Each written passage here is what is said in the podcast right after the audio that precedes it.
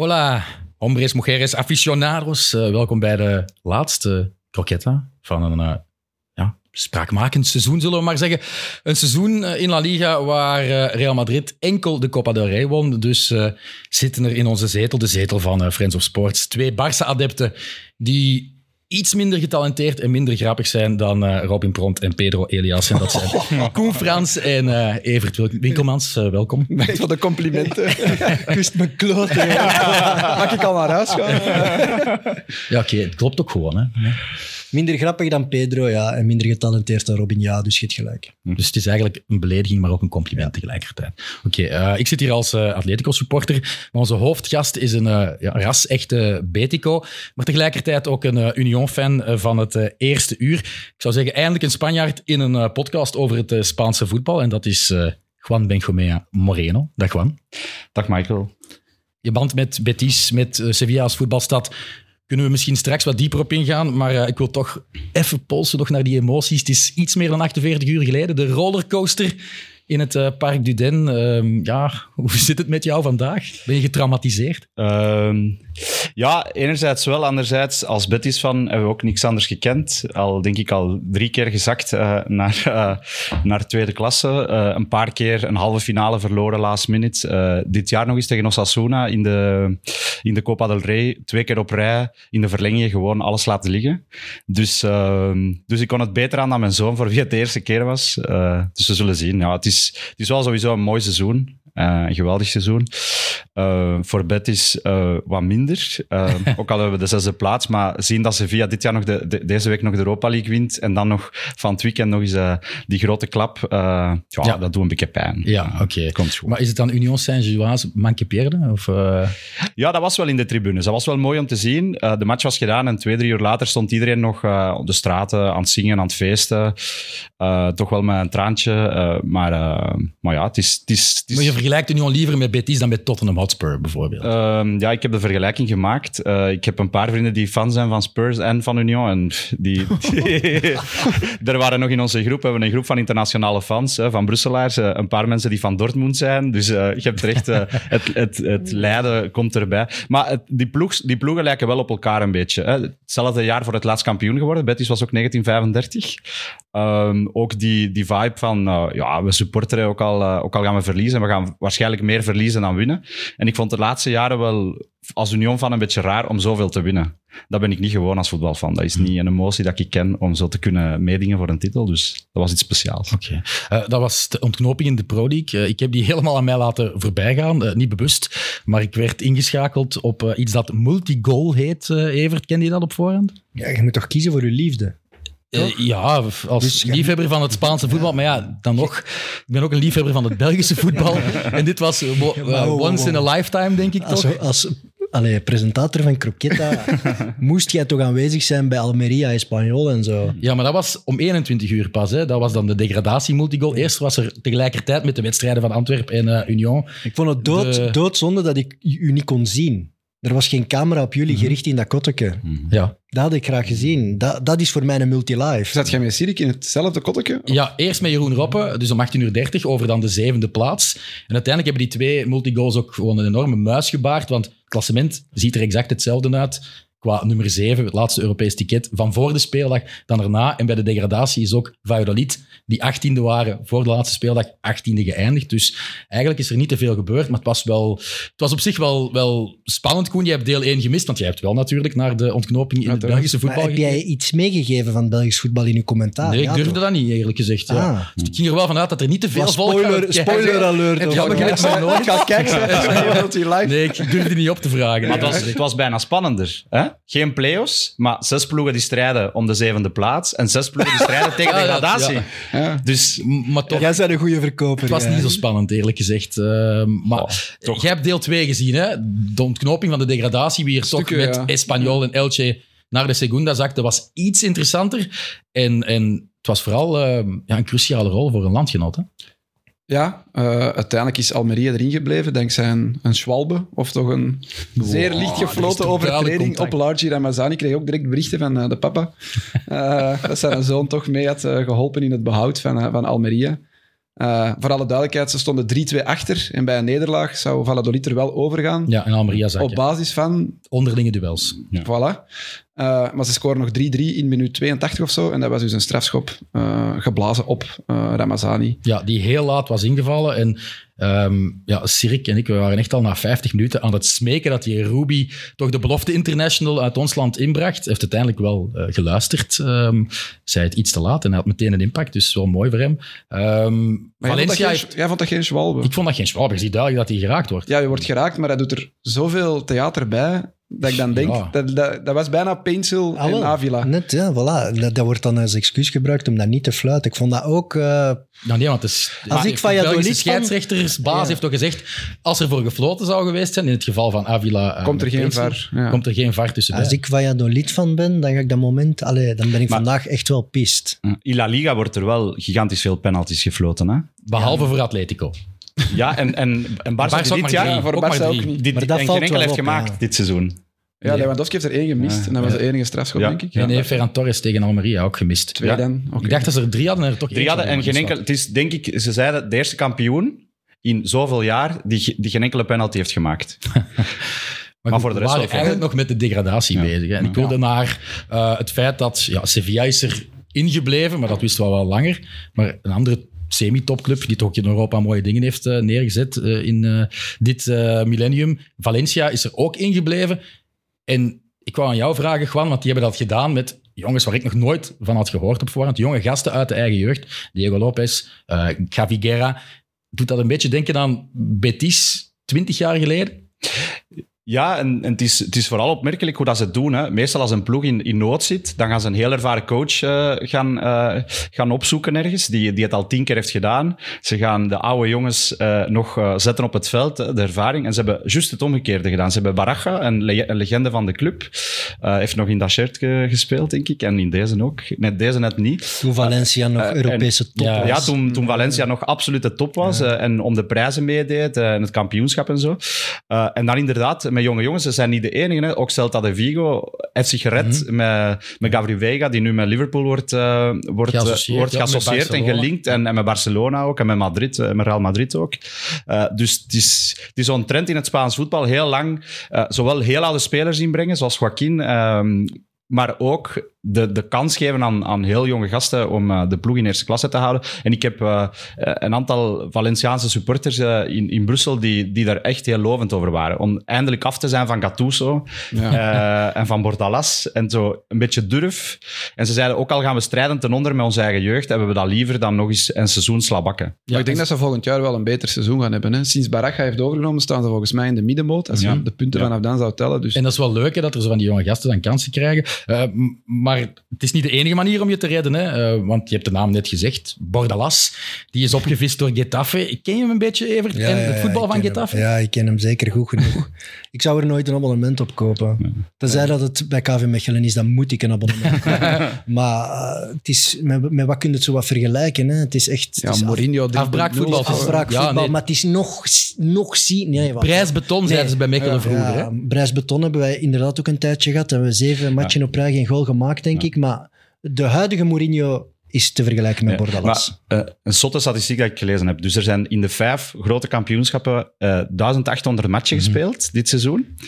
Um, er is één club die de minste passen heeft gegeven dit seizoen. Dat was Getafe op, dat, op die match. Weet je hoeveel passen hebben ze gegeven? Ik weet het, want ik heb het 30 64 passen, ah, ja. waarvan 20 door de eigen keeper. Ja, de keeper, ja. En Valladolid had dezelfde match ongeveer 500 passen gegeven. Maar die hebben nul keer uh, tussen de palen Nul keer tussen de palen En zijn gedegradeerd. Getafe had ook 20% balbezit. Hè? Dus, ja. Uh, ja, dat is, dat is Bordalas voetbal. En ze hebben meer fouten en de bal weggeschot dan dat ze passen hebben gegeven. maar Kees, hebben die gehaald en die had maar één doelstelling. Dat ze erin blijven. Het is gelukt, dus die gaat dat blijven doen. Hè? Ja. Ik vind dat wel een leuk figuur. Uh, het, het is ook wel iemand die graag, zoals Mourinho, de confrontatie opzoekt. Met Kike Setien, dat gaat al terug naar derde klasse. Elke keer als die tegen elkaar kwamen, ja, dan is dan Bras vooraf de match en na de match ook in de persconferenties. Maar nu is die zo wat hij heeft zichzelf zo een, een hip imago aangemeten. Een hippe bril, altijd mooi in, in een soort Simeone-achtig zwarte outfit. Dus uh, hij, hij, straalt wel iets uit. Maar ik denk als je nu aan een Ajax-supporter zou vragen van uh, Heitinga, die stopt ermee, vervangen we die met die gast die ons geklopt heeft in de Europa League zoveel jaren terug? Nooit. nooit. Dat er iedereen zijn abonnement ook gewoon direct uh, kapot scheurt. Nee, maar het is wel, kijk, als hij daarvoor kiest om, om zo te... Eh, dat is een typetje dat hij speelt, denk ik. Dat hij bewust speelt.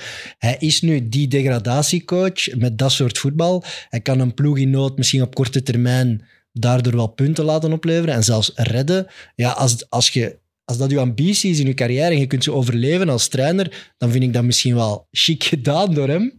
Hij, hij is ook mislukt bij Valencia. Hè, de... Voilà, dus hij heeft misschien besef van oké, ik ben dat soort coach. Hè, afbraakvoetbal en vooral onderin in het klassement en ploegen redden en ploegen eigenlijk boven hun niveau punten laten halen. Ik zeg niet boven niveau laten presteren, want dat vind ik wat cynisch met voetbal dat hij brengt. Maar dan is dat eigenlijk wel heel knap gevonden. Ja, ja. En zo ene keer om de zoveel jaar ook gewoon in de Europa League. En daar is, een, daar is hij God, hè? Die heeft getaf Europees gemaakt. Ja, Niemand die daar nog kon geloven. Hè? Goed. Dus- uh, genoeg over de slotspeeldag. Uh, we zullen eens uh, babbelen over het seizoen en generaal. Ik, ik heb nog wel een paar dingen gezien op die slotspeeldag. dat ik wel interessant ah, ja, okay, Wat ik heel knap vond, is Elche. Die pakken, uh, wat is het, 8 op 15 sinds dat ze gedegradeerd Ja, en dat publiek ook. Ja, dat is, dat is Ik vond dat wel, die waren, die waren blij en enthousiast, ondanks dat die eigenlijk stijf laatste staan en al, al weken gedegradeerd zijn. Ik vond dat wel knap, ik vond dat wel mooi. En ook kreeg daar een warm gevoel van, van LJ. En als je ziet ook hoe dat de club geleid wordt, dat is een makelaarsclub. Hè, Dus je zal zeggen Moeskroen en, en in het Belgisch voetbal gaan we zeggen, ja, pff, saai, grijs, wat zit erachter? Maar het publiek is totaal tegenovergesteld, dat is een volksclub. Dus dat matcht totaal niet met elkaar, hoe dat de club geleid wordt. Zoals Rayo Vallecano, hè, waar het ook echt totaal niet matcht. Hè. De, de linkse supporters en dan een, ja, wat is het, Vox, uh, extreemrechtse populistische voorzitter. Dus uh, het gebeurt wel vaker in, in het stadion, hè? Het stadion, ja. Het stadion heb ik bij mijn Staya en zo ook. Als ik naar die ploegen kijk, ja, dan vind ik... Daarvoor geniet ik ook wel van het Spaans voetbal, die stadion. Stadion ook met veel Belgische links, hè? Want daar ah, ja, voilà, tuurlijk. Ja. In 1982 al de groepsmatchen. Open bak, geen mhm. dak erop, gewoon gaan. Mm Martinez Valero. Nog iets, Evert, of kunnen we over jouw ploeg babbelen? Ah nee, en ook vind ik het waanzin dat Barcelona uh, het, het, het, record van de meeste tegendoelpunten gewoon te grabbel heeft gegooid. Ja, ja, maar daar gaan we zo meteen naartoe. Dat komt allemaal nog aan bod. Uh, want nu gaan we over Barça uh, babbelen. Um, ja, ze zijn kampioen voor de eerste keer sinds 2019. Uh, mag ik het de kampioen van de armoede noemen, omdat ze geen eurocent meer hebben om aan hun gat te krabben? ze zijn toch al uh, bezig met versterkingen voor volgend ja, ja, maar het is wel, het is wel iets, hè, als je sinds 2019 moet wachten op een titel.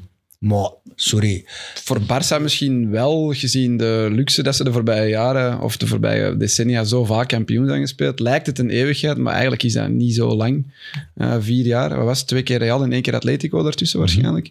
Real heeft de voorbije 15 jaar minder titels gepakt in Spanje dan, dan Barça. Dus het mocht nog wel eens natuurlijk, het hoeveel deugd dat het nog eens gelukt is. En, en eigenlijk ja, relatief snel al, al zeker was dat ze die titel gingen pakken. Uh, het winnen van die Classico deed ook heel veel deugd. Het winnen van die Classico in de Supercoppa deed ook heel veel deugd. Het feit dat Real Madrid eens een keer niet de Champions League wint, uh, doet ook heel veel deugd.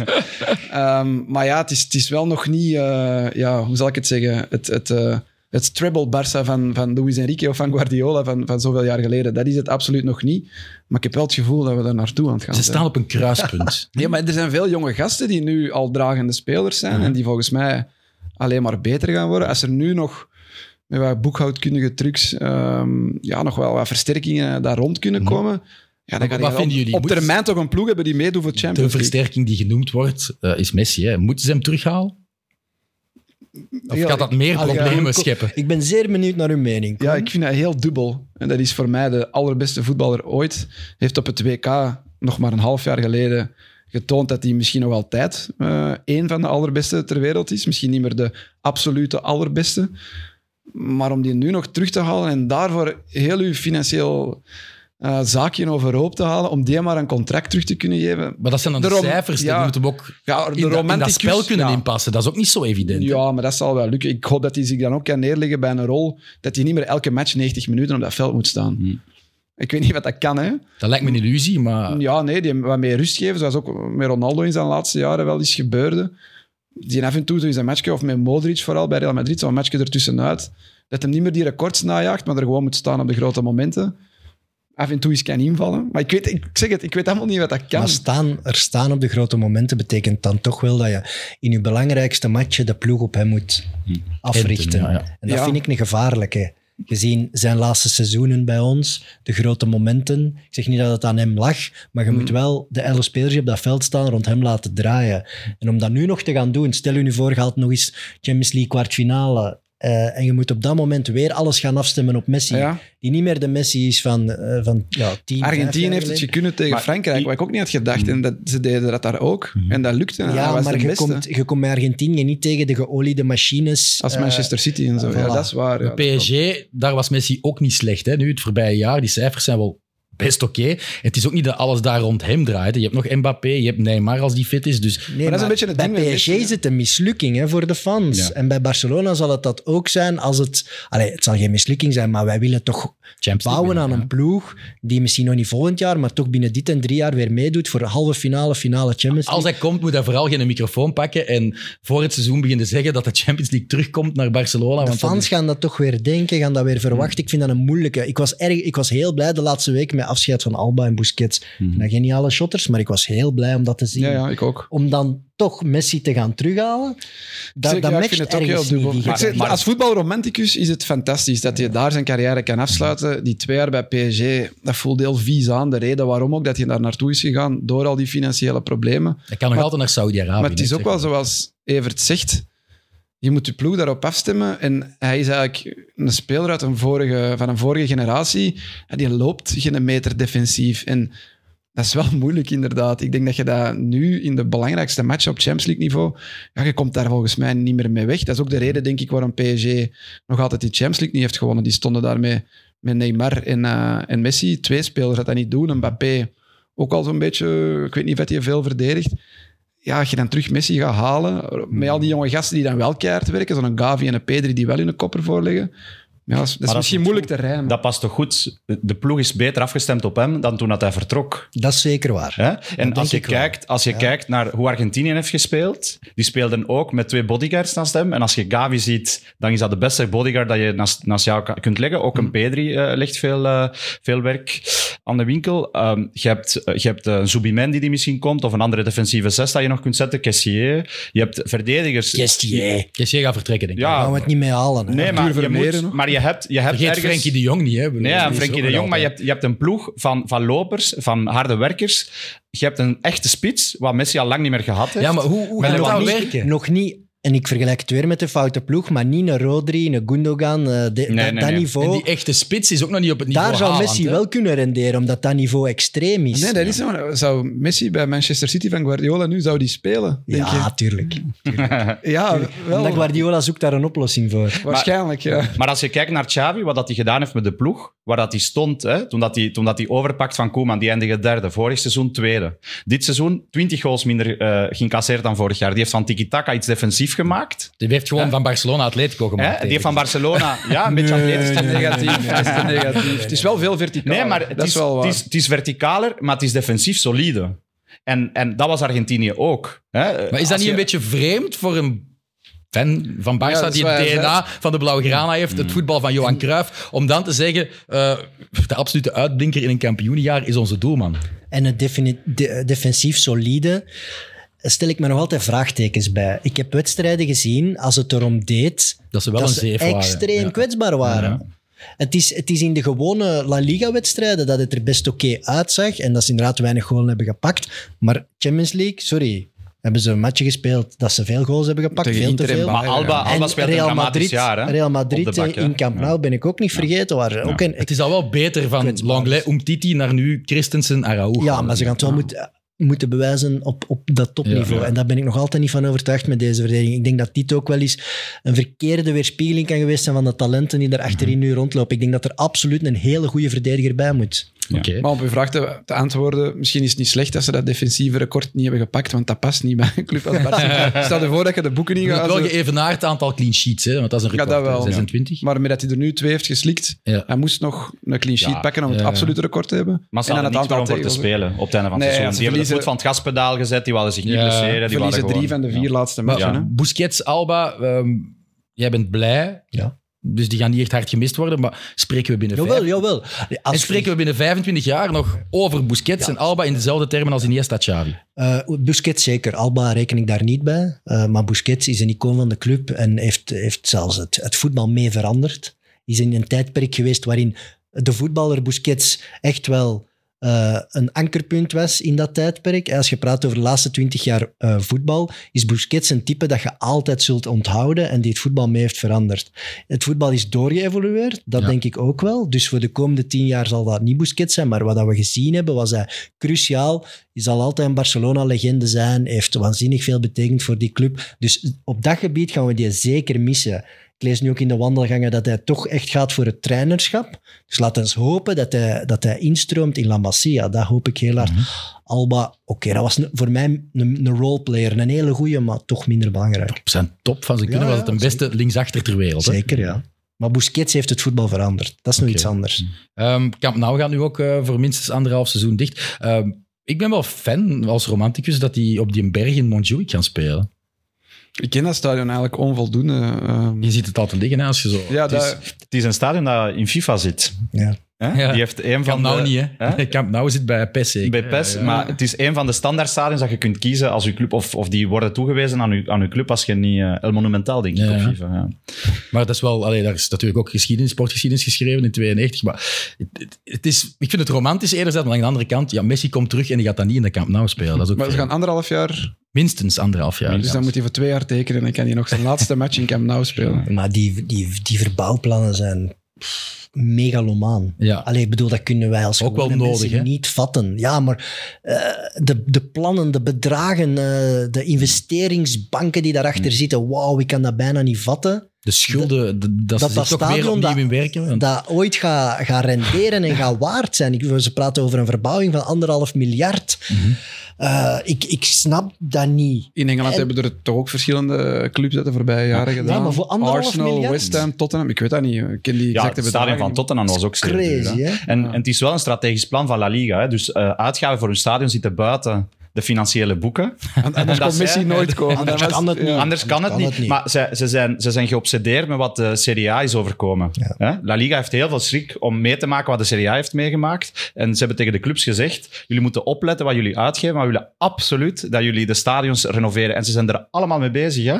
Eh, Betis gaat een nieuwe tribune zetten. Heeft Eh, Osasuna heeft een nieuw stadion Ja. gezet. Villarreal gaat een nieuw stadion zetten. Getafe Bilbao, wil dat doen. Athletic Bilbao heeft een nieuwe gezet. Eh, Valencia, Sociedad. Valencia heeft de plannen voor Mestalla die ze niet konden betalen. Dus ze al een Nadig afgewerkt, stadion. Real Sociedad ja. is afgewerkt. Dus als je het lijstje afgaat van de eerste 20 ploegen en dan nog beneden eh, in, de tweede, in de tweede klasse, zijn ze er allemaal mee bezig. Omdat ze, omdat ze denken, als we hier stadions kunnen zetten van tussen de 30 en de 60.000 en die zijn- die zijn vol, dan zitten we goed. Ja, Dan gaan we misschien mindere jaren hebben, maar de financiële basis van hun clubs zit heel goed. Het Espai Barça-project, ja, dat, Zo Ja. stom is dat nog niet. Ik vind het wel extreem lelijk. eh, Ja, ze ik plan zijn met Camp. Nou. Ik vind het doodzonde. het wordt een stadion van het dozijn. Het Ja. is, Ja. Ja, Dat is mis- en Allee, ik nu hoop dat ze er toch nog iets... Het heeft veel charme Gaan nu, hè. inkrijgen van Zo die, beelden van in een bovenste ring met de ondergaande zon naar boven. Ja. Of die, die, die lucht er, erachter. Ja. Oké. Dat gaat Ehm, allemaal niet meer hebben.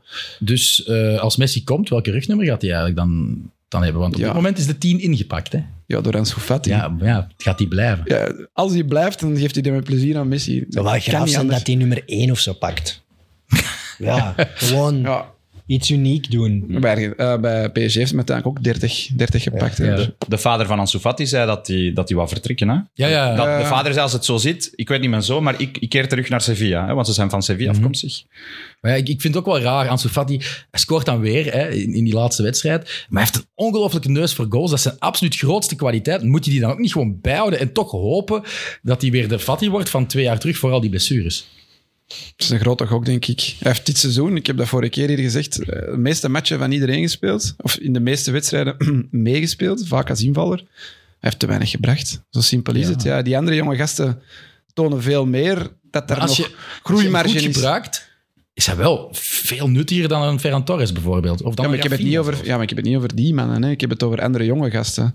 Ehm, als ik nu ook die Jamal zie, wat dat die allemaal uit zijn sloffen heeft getoverd, eh, bij de U19 van Spanje, bij Barcelona zelf in zijn debuutmatch daar, dan denk ik, ja, zo was Ansu Fati ook, als hij 16 jaar was. En eh, hopelijk blijft hij Jamal gespaard van zware knieblessures en, en wordt dat wel een mooie curve omhoog. Want Ansu Fati heeft een steile curve omhoog om dan gewoon af te Mhm. vlakken. En eigenlijk, hij is minder goed dan dat hem drie jaar geleden was bij zijn debuut, heb ik de indruk. Ja, dat, En dat is gewoon. Hè. Ja, is- en dat is gewoon pijnlijk om hij te zien. met minder bravoure, minder lef. En komt dat nog terug? Komt zoiets nog terug? Ja. Het is jammer dat die blessure... Het zou ook wel heel jammer zijn als hij die nu laat gaan en dat hij dan in de Premier League... Alles kapot speelt. Ja. Ja, wel, maar... Dat kan, dat kan een heel domme voorspelling zijn, maar ik denk niet dat dat gaat gebeuren. Ik denk niet dat hij op een ander alles gaat kapot spelen. Of toch niet op dat niveau. Misschien bij een club van een niveau lager wel. Oké. Als er niet aan twijfelde, had Xavi al lang gezegd dat Fati deel uitmaakte van de toekomst. En dat heeft hij eh, nog niet gezegd. Dus ik denk dat hij sowieso op de lijst staat van te vertrekken. En je krijgt er nu nog echt grof geld voor. Want Vooral hij zit dat, nog altijd Ja. op die markt van "Mm, het is een toptalent, hij moest er maar eens doorkomen, dan hebben we een wereldster in huis. Zo, als ik, eh, Manchester United, dat soort clubs, die willen daar echt nog een serieus bedrag voor Real wou hem nog, hè? Er zijn er geruchten geweest vorig jaar dat die... Dat Nee, die dat mag niet. Ja, ja, maar die hebben, die hebben een, een wederzijds eh, pact dat ze geen spelers van elkaar kopen. Ja, Sinds jaren, maar tot, tot, Sinds tot, er tot het- tot het dringt. Maar Atletico en Real hadden dat ook in de jeugd dan. Ja. Maar dat is ook eh, gedaan. Hè? Dat is Ja. ook eh, in de vuilbak gekeeperd. Ehm, Real, we zullen daar anders over verder babbelen. Anders krijgen we weer het verwijt dat we een Barça-podcast zijn. Ehm, ik, ik wou eigenlijk nog over Ter Stegen en dan naar Courtois te gaan. Want het is echt een doelmannencompetitie geworden, La Liga. En Thibaut Courtois staat voor mij op één. En ik, soms zeg ik Oblak is de allerbeste. Maar eigenlijk op basis van dit seizoen en eigenlijk de prestaties in Europa... vind ik nog altijd dat Thibaut Courtois op één staat. Dan Ter Stegen, dan Oblak. De combinatie van, van alle wedstrijden die gespeeld Als je alleen naar La Liga kijkt, ook al door al die clean sheets en het feit dat hij mee de titel heeft eh, opgeleverd, moet Maar je de beste keepers zeggen? op dit moment. Oké, ja, we hebben wel. Alisson, je hebt Ederson, dat zijn ook goede doelmannen. Maar als je naar de verzameling kijkt, het, het aantal, de top, is volgens mij groter, breder in La Liga dan in andere competities. Dat wel schoon. je gaat echt alles ophevelen van La Liga. Nee, maar dat is gewoon zo. Bent Allee. goed bezig, Mike. Bono, dat is toch zijn een goede er- keeper. Nee, maar ik denk wel, de drie, Alleen beste, Betis heeft keepers, heel slechte Ja. de keepers. drie beste keepers ter wereld zijn misschien wel die drie. Voilà, Koen, doe mee. Ja, maar jij niet. Fuck Ederson, Alisson. Nee, maar die zit Ja, maar wie zit jij tegenaan. boven Courtois, eh Ter Stegen en eh Oblak? Wie, Nee, nee, Courtois zit zet ik uit, uit puur talent en chauvinisme sowieso op één. En Maar Ter dan- Stegen dit seizoen, hè. Maar dan kun je wel een Ederson zetten, vind ik. Op twee. Ja. En dan op drie nog Maar meer op zijn Stegen. voeten werkt dan Ja. puur lijnkeeper. Ja. Omdat voor Ja. dat modern voetbal Ja. eh, dat, is waar. wel nodig hebt. Oké. Nee, maar al, La Liga is in alles Maar best. La Liga Michael. is- Wij weten, wij weten dat. Voilà. Voilà, Wij dat is gesproken, hè. Kijk, De kijkcijfers ook. Hè. In de Premier League wordt daarover gelogen. hè. Er kijkt niet zoveel volk naar. Dat geld dat daarin Ja. rondgaat in de Premier League, dat is ook gelogen. Ja, voilà. Maar goed, Real Madrid, ehm, dat verliest in één klap drie geniale voetballers. Karim Benzema gaat naar het Midden-Oosten, Asensio gaat naar PSG en Hazard. Eh, daar heeft Real uiteindelijk ehm 7 miljoen euro eh, een mee uitbespaard door eh, dat contract te ontbinden. Ehm, Ze maar- betalen nog 20, hè? ja, ja. Dus je mag Maar ja, stoppen en je moesten krijgt ze- moesten 20 ze miljoen 35 euro. betalen of zoiets, of 30 of zo. Dus, het Dat is meer dan 7 miljoen. ja, maar ik weet niet hoe dat de, de situatie juist zit. En de wiskunde, fuck it. Ehm, maar zwart, Eden Hazard, allerslechtste transfer ooit in de geschiedenis van Real Madrid. Dat is wel wat dat er wordt gezegd, ja. En ja, het is een van hun duurste, of het is hun allerduurste ooit. Ja, een van de duurste. duurste. De duurste ooit. Ja, dan zo weinig. Zeven goals. Ja, Ja, zeven goals in 44 basisplekken. ja dat is eh, enorm triest. En er werd zoveel van verwacht. Hij kwam één jaar na dat WK, waarin dat hij eigenlijk de beste was van, van heel de wereld. Ja. Hij, hij werd toen niet verkozen tot speler van het toernooi, maar dat was dat eigenlijk wel. En hij heeft bij Real gewoon niks gebracht. Hij is eh, meer geblesseerd geweest dan wat anders. En het voorbije jaar was hij dan eindelijk eens lange tijd fit. En mocht hij gewoon nooit meedoen. Ja, Zelfs niet in zijn afscheidsmatch. nee, maar Hij heeft geen minuut gekregen. dat was omdat Ancelotti eh, vond dat ze dan hem hadden moeten vragen, Mariano Diaz en Eden Hazard, om te mogen invallen. Dan was dat wel gebeurd. heeft hij Dat hij letterlijk Ja. gezegd in de persconferentie. Achteraf stond ook in Marca. En dan denk ik weer, maar er is toch een soort anti-Hazard-sentiment bij Ancelotti ook. Want, Ja, dit ruis op die relatie, dat is het minste dat je kunt zeggen, Ja. denk ik. Eh, maar ja, want hij ziet er wel scherper uit dit seizoen dan de voorbije twee jaar. Ik Maar hij heeft hem ook niet gevraagd. Ancelotti wou niet per se Hazard. Hè? Die was er al toen dat hem kwam. Hij geloofde niet meer in de voetballer Hazard. hij had al dat Hazard- jaar gehad. Ook, Ja, dat ene slechte jaar Hazard hij was, al gehad. Hazard was geblesseerd. Ik vind het ook onfair om te, om, om te spreken van een slechte transfer als het niet ligt aan de kwaliteit, maar aan de voetballer die geblesseerd Dus is. jij vindt niet dat hij in het lijstje Faubert, Gravensen, Nee, Drenthe, andere Woodgate moet voorkomen. Nee, zeker niet. Maar dat zijn allemaal... Ja, maar ja, dat is wel, hè. Dat gaat gebeuren, Maar hè. dat zijn voetballers van een Google binnen dit en vijf jaar top 10 worst signings van Real Madrid.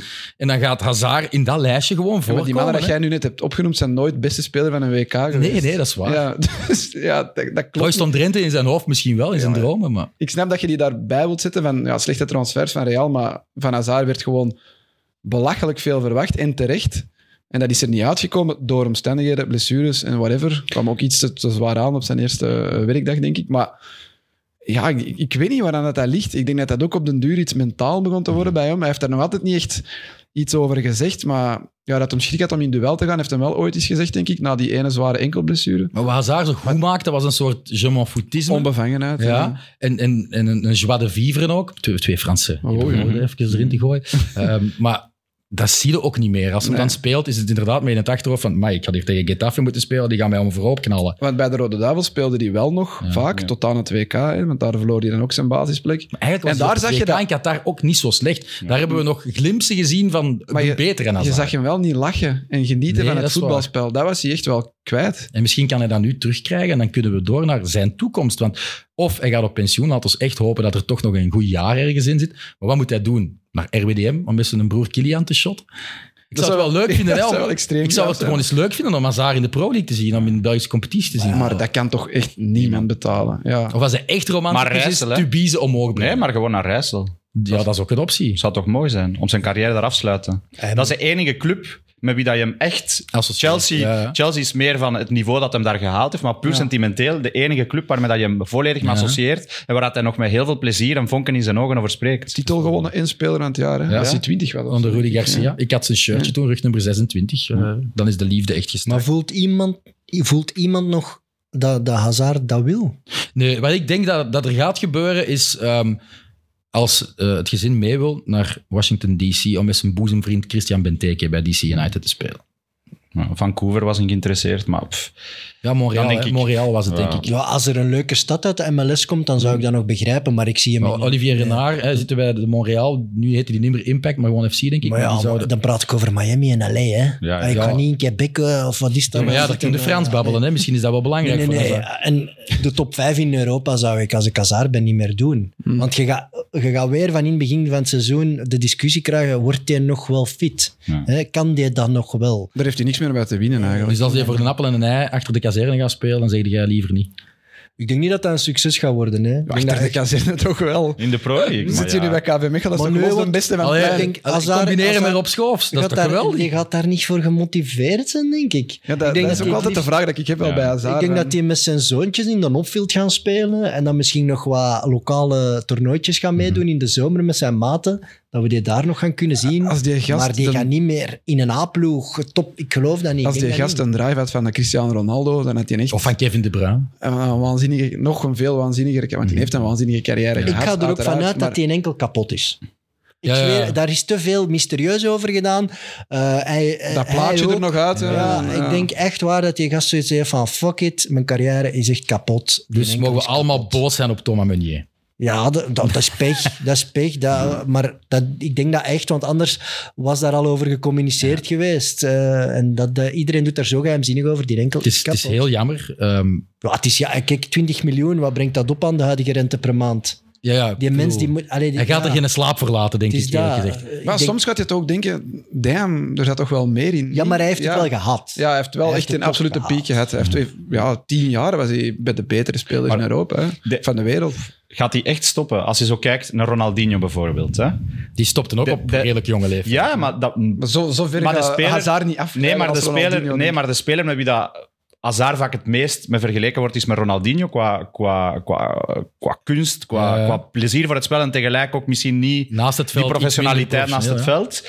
Ronaldinho is op zijn 31ste bij Milaan vertrokken en dan is hij terug naar Brazilië gegaan. Oké, daar is nog van alles Ja, maar ja. gebeurd en een hele pittoreske, maar hij heeft nog wel bij Flamengo, bij Mineiro, Fluminense. hè, Fluminense. Dus als Hazard nog terug eh, naar de Pro League komt, naar eender welke club... Dan, dat dan zouden we geniaal geniaal vinden allemaal. Geniaal, En ik denk ja. dat hij hier misschien nog meer onbevangen is, want hij gaat overal goed ontvangen worden. Nee, ik kan, niet, ik, kan, ik kan hier niet leven. Nee? Ook, denk ik. Ik denk niet dat hij zoals, zoals een Toby zich wil, wil hier dan in de picture zetten. Ja, met die drive van Toby gaat hem niet komen. hè. Nee, maar hij die- heeft zoveel talent dat hij nog altijd een van de beste hier gaat zijn. Toch? Veruit zelfs. Nee, want ik denk dat wel. Ik, denk denk dat, dat ook, hij moet gezegd. zich aanpassen dan aan het niveau van de rest van de ploeg. Hij is dan zelf niet meer extreem top in vorm. Maar dat denk ik Eh, dus er wel. komt. Volgens mij is hij wel in vorm nu. hè. Waanzinnig veel aandacht ook bij dat hij niet meer Die wil. traint elke dag bij Real Madrid. Dat kan toch niet dat hij daar de kantjes afloopt en niet in vorm? Die moet toch wel? Hazard, hè, kan die liep er altijd de kantjes af. Ja, oké, maar die moet, toch- die Wedstrijd moet daar toch die parameters halen en zo. Anders kan je toch niet in de bij Real. Madrid. genoeg, genoeg over, ehm, over Eden Hazard, hoe jammer het ook is. eh, maar de belangrijkste vertrekker is iemand die wel de drive had eh, om het... eh, ja, toch zeker de voorbije jaren altijd week in week uit te doen. Dat is Karim Benzema. Ballon d'Or gewonnen. Nog altijd eigenlijk de houder van de Ballon d'Or. En die is nu naar Saudi-Arabië. 25 collectieve trofeeën. Het absolute uithangbord van Real Madrid. Eh 14 jaar dienstverband. Hoe, hoe compleet vind jij hem als voetballer, Evert? Ehm, ik was eh, in het begin van zijn carrière geen fan.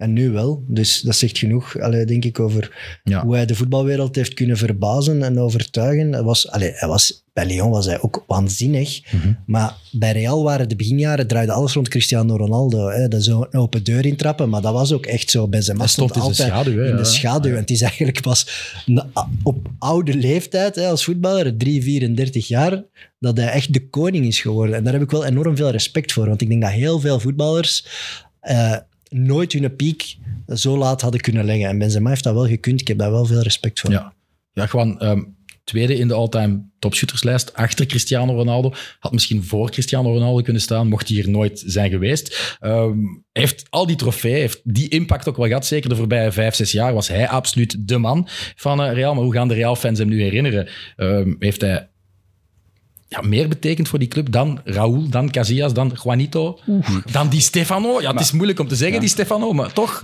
Ik vind meer dan dat de eh, tweede topschutter aller tijden is, het meest indrukwekkende is dat hij in, in de top 5 zit van de meeste matchen voor Real Madrid. De enige niet-Spaanse speler die in de top 5 lijst is geraakt. Hij zit achter Sergio Ramos, Raúl, Sanchez. Dus je zit daar met de absolute legendes van Real Madrid en hij zit erbij op nummer 5. Het is een speler die wij, ik dacht eerlijk gezegd in der tijd, dit wordt Adriano Bis. Hè? Nee. Een speler met waanzinnig talent. ja. Waanzinnig talent, maar met de schandaal van Balbuena, hè, bijvoorbeeld. Je denkt, dat is iets dat je mentaal misschien kan kraken. En, oh, en, u, en u in een buitenbaan, maar hij heeft ons allemaal tegengesproken. Op relatief snel. Hè. Dus het was eh, na, na een paar jaar bij Real dat je dacht, wauw. Hè, wat dat hij kon zetten, hoe dat hij zich... Hè, de BBC, hè, Ja, die iconisch, even iconisch was als de MSN, die zijn allemaal, allemaal weg nu. Hè. Alle, alle zes van de BBC en de MSN zijn weg. Dus die zo'n tijdperk van La Liga die zich eh, afsluit. En eh, voor de Real-fans is dat denk ik, is bij mijn weten nooit kapitein geweest op een wedstrijd. eh, maar wel bijna de kapitein van deze ploeg, als je hem ziet. Hè. Ja. Van, van hoeveel dat hij betekent, wat, hoe, hoe dat hij de ploeg de, de laatste jaren heeft nog eh doorploeterd, hoe dat hij vijf eh, Champions League finales eh, heeft kunnen winnen. Dat, ik denk dat die 75% aan hem te danken zijn. Ja, vooral die laatste, Ja, die van vorig jaar. Dat was ja. Courtois en Benzema. Ja, ja. En een beetje Vinicius, Ja, ja. Vinicius en eh, Ja, ja. Rodrigo, maar toch vooral Benzema en Courtois. Die... En ook Vinicius beter gemaakt als speler. Hè? Die, dat samenspel, Vinicius zegt Terwijl dat dat zelf, niet hè. matchten in het begin. Nee. En dat, is toch ook Nee. wel, dat zegt ook iets over Benzema. Ja. In het begin dat je, Dat je het van, ja, geduld nee, hebt, ja. Ik, ik wil niet met dat klein nonchalant jongetje omgaan. Die, is, dat- die leert niks bij. geeft ze een bal niet Die af. geeft ze een bal niet af. En wij mogen vooral hem niet betrekken in ons spel, want het loopt dan mis. En dan toch is er een evolutie, die groeien naar elkaar toe. Je hoopt eigenlijk dan als chauvinist dat Hazard eigenlijk naar Benzema zou toe zijn gegroeid, maar dat is niet. En, en dat vind ik ook wel cool, dat hij toch in die kleedkamer daarmee bezig is geweest. Ook zichzelf een beetje in vraag heeft gesteld en zegt, ja nee, ik moet misschien eerder eh, toch proberen iets te zoeken, waardoor we die Vinicius, wat een gigantisch talent is, toch ook mee in ons verhaal kunnen krijgen. Ja, en profiel, profiel van Spits dat hij de laatste jaren was, is, is geen spits, hè? is waanzin. Ja. Wat middenvelder spits. Ja, Wat die gast ineens eigenlijk allemaal kon, dat was echt niet Spel normaal. verdelen en Ja. afwerken. Ja. Nee, dus allee, gewoon heeft helemaal gelijk. Dat, had- dat wist ik zelfs niet van die statistiek dat hij in de top 5 Ja. staat van meeste matchen voor Real ooit. Dat zegt wel alles. Hè. Er zit geen enkele, en de top 10 zijn allemaal Spanjaarden. En in de top 14 15, seizoenen, Hij en de top 14 15 seizoenen geweest. Ja, bijna nooit zwaar geblesseerd. Bijna nooit. Dit seizoen een paar kleine blessuretjes. En misschien is dat ook wel de reden dat hij nu vertrekt. Want het is soms lastiger om zo dikwijls op korte tijd van die kleine blessures te hebben dan één grote. Omdat dat dan echt begint te zeuren en dat blijft Ik hinderen. wil zeggen, dit seizoen heeft hij ook zijn niveau niet gehaald. Hè. Bijvoorbeeld die, ma die match Nee, als tegen je alleen naar de goals kijkt, denk je, wauw, 19 goals. Eh, dat is wat Havertz op drie seizoenen Premier League bij elkaar heeft Ja, ja oké, Havertz. Ja, maar ja, die wordt als vervanger Ja, ja. genoemd. Of Kane, wat ik wel een interessante opvolger vind. Hè? Omdat Kane het debat Kane-Benzema al zo lang is gevoerd. En Maar ik vind, Kane heeft niet de kop om in Spanje Ja, te Is dat een voetballen. debat, Kane of Benzema? Ik vind dat, ik vind dat niet... Kane heeft niet de kop, ja, en gewoon niet het figuur, vind ik. Niet het profiel om in Spanje... Maar die ramt er wel 30 binnen. volgens- zit hij bij Real in de spits en heeft er 30. Dat wil, ik, dat wil ik niet, hè. Ja. Harry Kane als opvolger van Benzema. Nee, nee, nee. nee. Laat Ik dat wil maar liever. Mbappé, eerlijk gezegd. Dat gaat meer sollen Ja. kosten. Maar dat lijkt me dan op lange termijn een meer Alle- geslaagde zet. Maar dat Kane, kan ook, maar- Kane kan ook mislukken hè, in La Liga. Maar dat twee, is ook niet echt een. Maar het plan, is denk ik, het plan is denk ik, als je Kane kunt brengen nu, die Nee. niet meer zoveel gaat kosten, want die is al bijna, bijna einde contract en Tottenham wil het er misschien vanaf. En die is 60, al 30. 60 à 80 Ja. miljoen wordt Maar- gezegd. ja, voilà. Dat is toch Sava. Maar Havertz wordt ook 60 miljoen gezegd. Voilà. Dat vind ik nou weer. En dan heb je de nog twee jaar en dan na- laat je Mbappé overnemen, die dan de absolute ster van de ploeg wordt. En, en die heeft blijkbaar, zou die een clausule hebben in zijn contract om zich alsnog te kunnen uitmuizen. Dat is, hè, we hebben elke zomer in Spanje El Chiringuito, dat is zo een groot Ja, soapprogramma. En nu zijn die er terug afgekomen van die fameuze clausule waar Mbappé kan zeggen, ik ga naar Real. En het is alleen De Real. presentator van El Chiringuito, dat is natuurlijk niet de meest betrouwbare bron, die heeft nu nog gezegd, eh, Peter Rol, eh, Florentino gaat deze zomer 300 à 400 miljoen euro uitgeven. Ik heb ook iets ontdekt. Ja. Stel je voor dat dan Kane, Vinicius en Mbappé op een gegeven moment bij, bij Real speelt, dan heb je KVM. Dan ik Dan moet je, dan moet je liefde een vraag stellen. Nee, maar dat wil ik echt niet, want dat zou een, een voorlijn zijn die alles heeft. Ja, dat is gruwelijk. Dat is Ja. echt gruwelijk. Ja. Ehm, Nee, maar wat ik nog over Real wou zeggen is eh, Benzema eh, op een propere manier afscheid van nemen. Hè. Eh, Hazard eigenlijk de hardcut. Harde pijn, durven doen. Kijk, we betalen hem uit, hij is Ja, weg. Ze, dat doen ze wel goed, hè. Ik ben Ja, er wel jaloers ja, ja, op. op Ze, dat- nemen, ze durven wel... Mariano eruit, Nacho eruit, Op dat vlak ben Asensio ik eruit. jaloers. Die hebben nog winst gemaakt op Cristiano Ronaldo. Ja. Je moet dat maar doen. Hè. Die hebben winst gemaakt op Cristiano Ronaldo. Die hebben En Casemiro, tegelijkertijd Juventus ten gronde gericht. Casemiro, Casemiro ook nog voor veel gehad. Op de juiste moment de juiste profielen verkopen en aankopen. Daar zijn ze wel beter in dan En Barca. het is wel een onwaarschijnlijk overgangsseizoen. Hè? Als je overgangsseizoen kunt zijn, finalist. tweede in La Liga, finalist allez, winnaar van de beker, een halve finalist in de Champions League, terwijl dat je Clean. jonge spelers, jonge spelers inbrengt in de ploeg, hè, die, die, die, die die ervaring nodig hebben als ze, als ze binnen twee, drie jaar de ploeg moeten dragen. En Valverde en Chouameni, dat is onwaarschijnlijk goed. Die hebben een belangrijke matchen met Camavinga op Ja. linksback Ja. dit seizoen. Hè. Dat is totaal Ook wel bij gebrek aan beter. Want Ja, ja, tuurlijk. Wow, dat is... Vleugelbacks is volgens mij prioriteit nu. Ja. Ja. Naast de spits, Ze hebben, een vleugelbacks. ze, hebben een goeie die terugkomt, hè, Fran Garcia. Ja. Ja. Ja, van Rayo Vallecano zeker. eh. Bernabeu ziet er nu toch ook bijna af uit. Ja. Dus daar lopen ze ook voor op. Ehm Perez heeft, dat, heeft die spaarpot aangelegd door dat goede transferbeleid van de laatste jaren. Ja, ik denk dat Real eh, sowieso aan de top van het Ja, Europees voetbal Belling- blijft Bellingham gaat ook jaar. komen. Sowieso. Ja, Bellingham Ja. wordt daar ook constant genoemd. Dat soort eh, profielen, ja, die worden nu... Hè, Kane, Mbappé, Bellingham. Over- dat wordt bij Barça niet genoemd. Hè. Dat kan Ik wil nog even over die spaarpot aanleggen. Dat heeft Karim Benzema nu ook met die beslissing gedaan. Hè. Dus hij gaat eh 200 miljoen euro per jaar verdienen bij Al Ittihad. Is dat rond?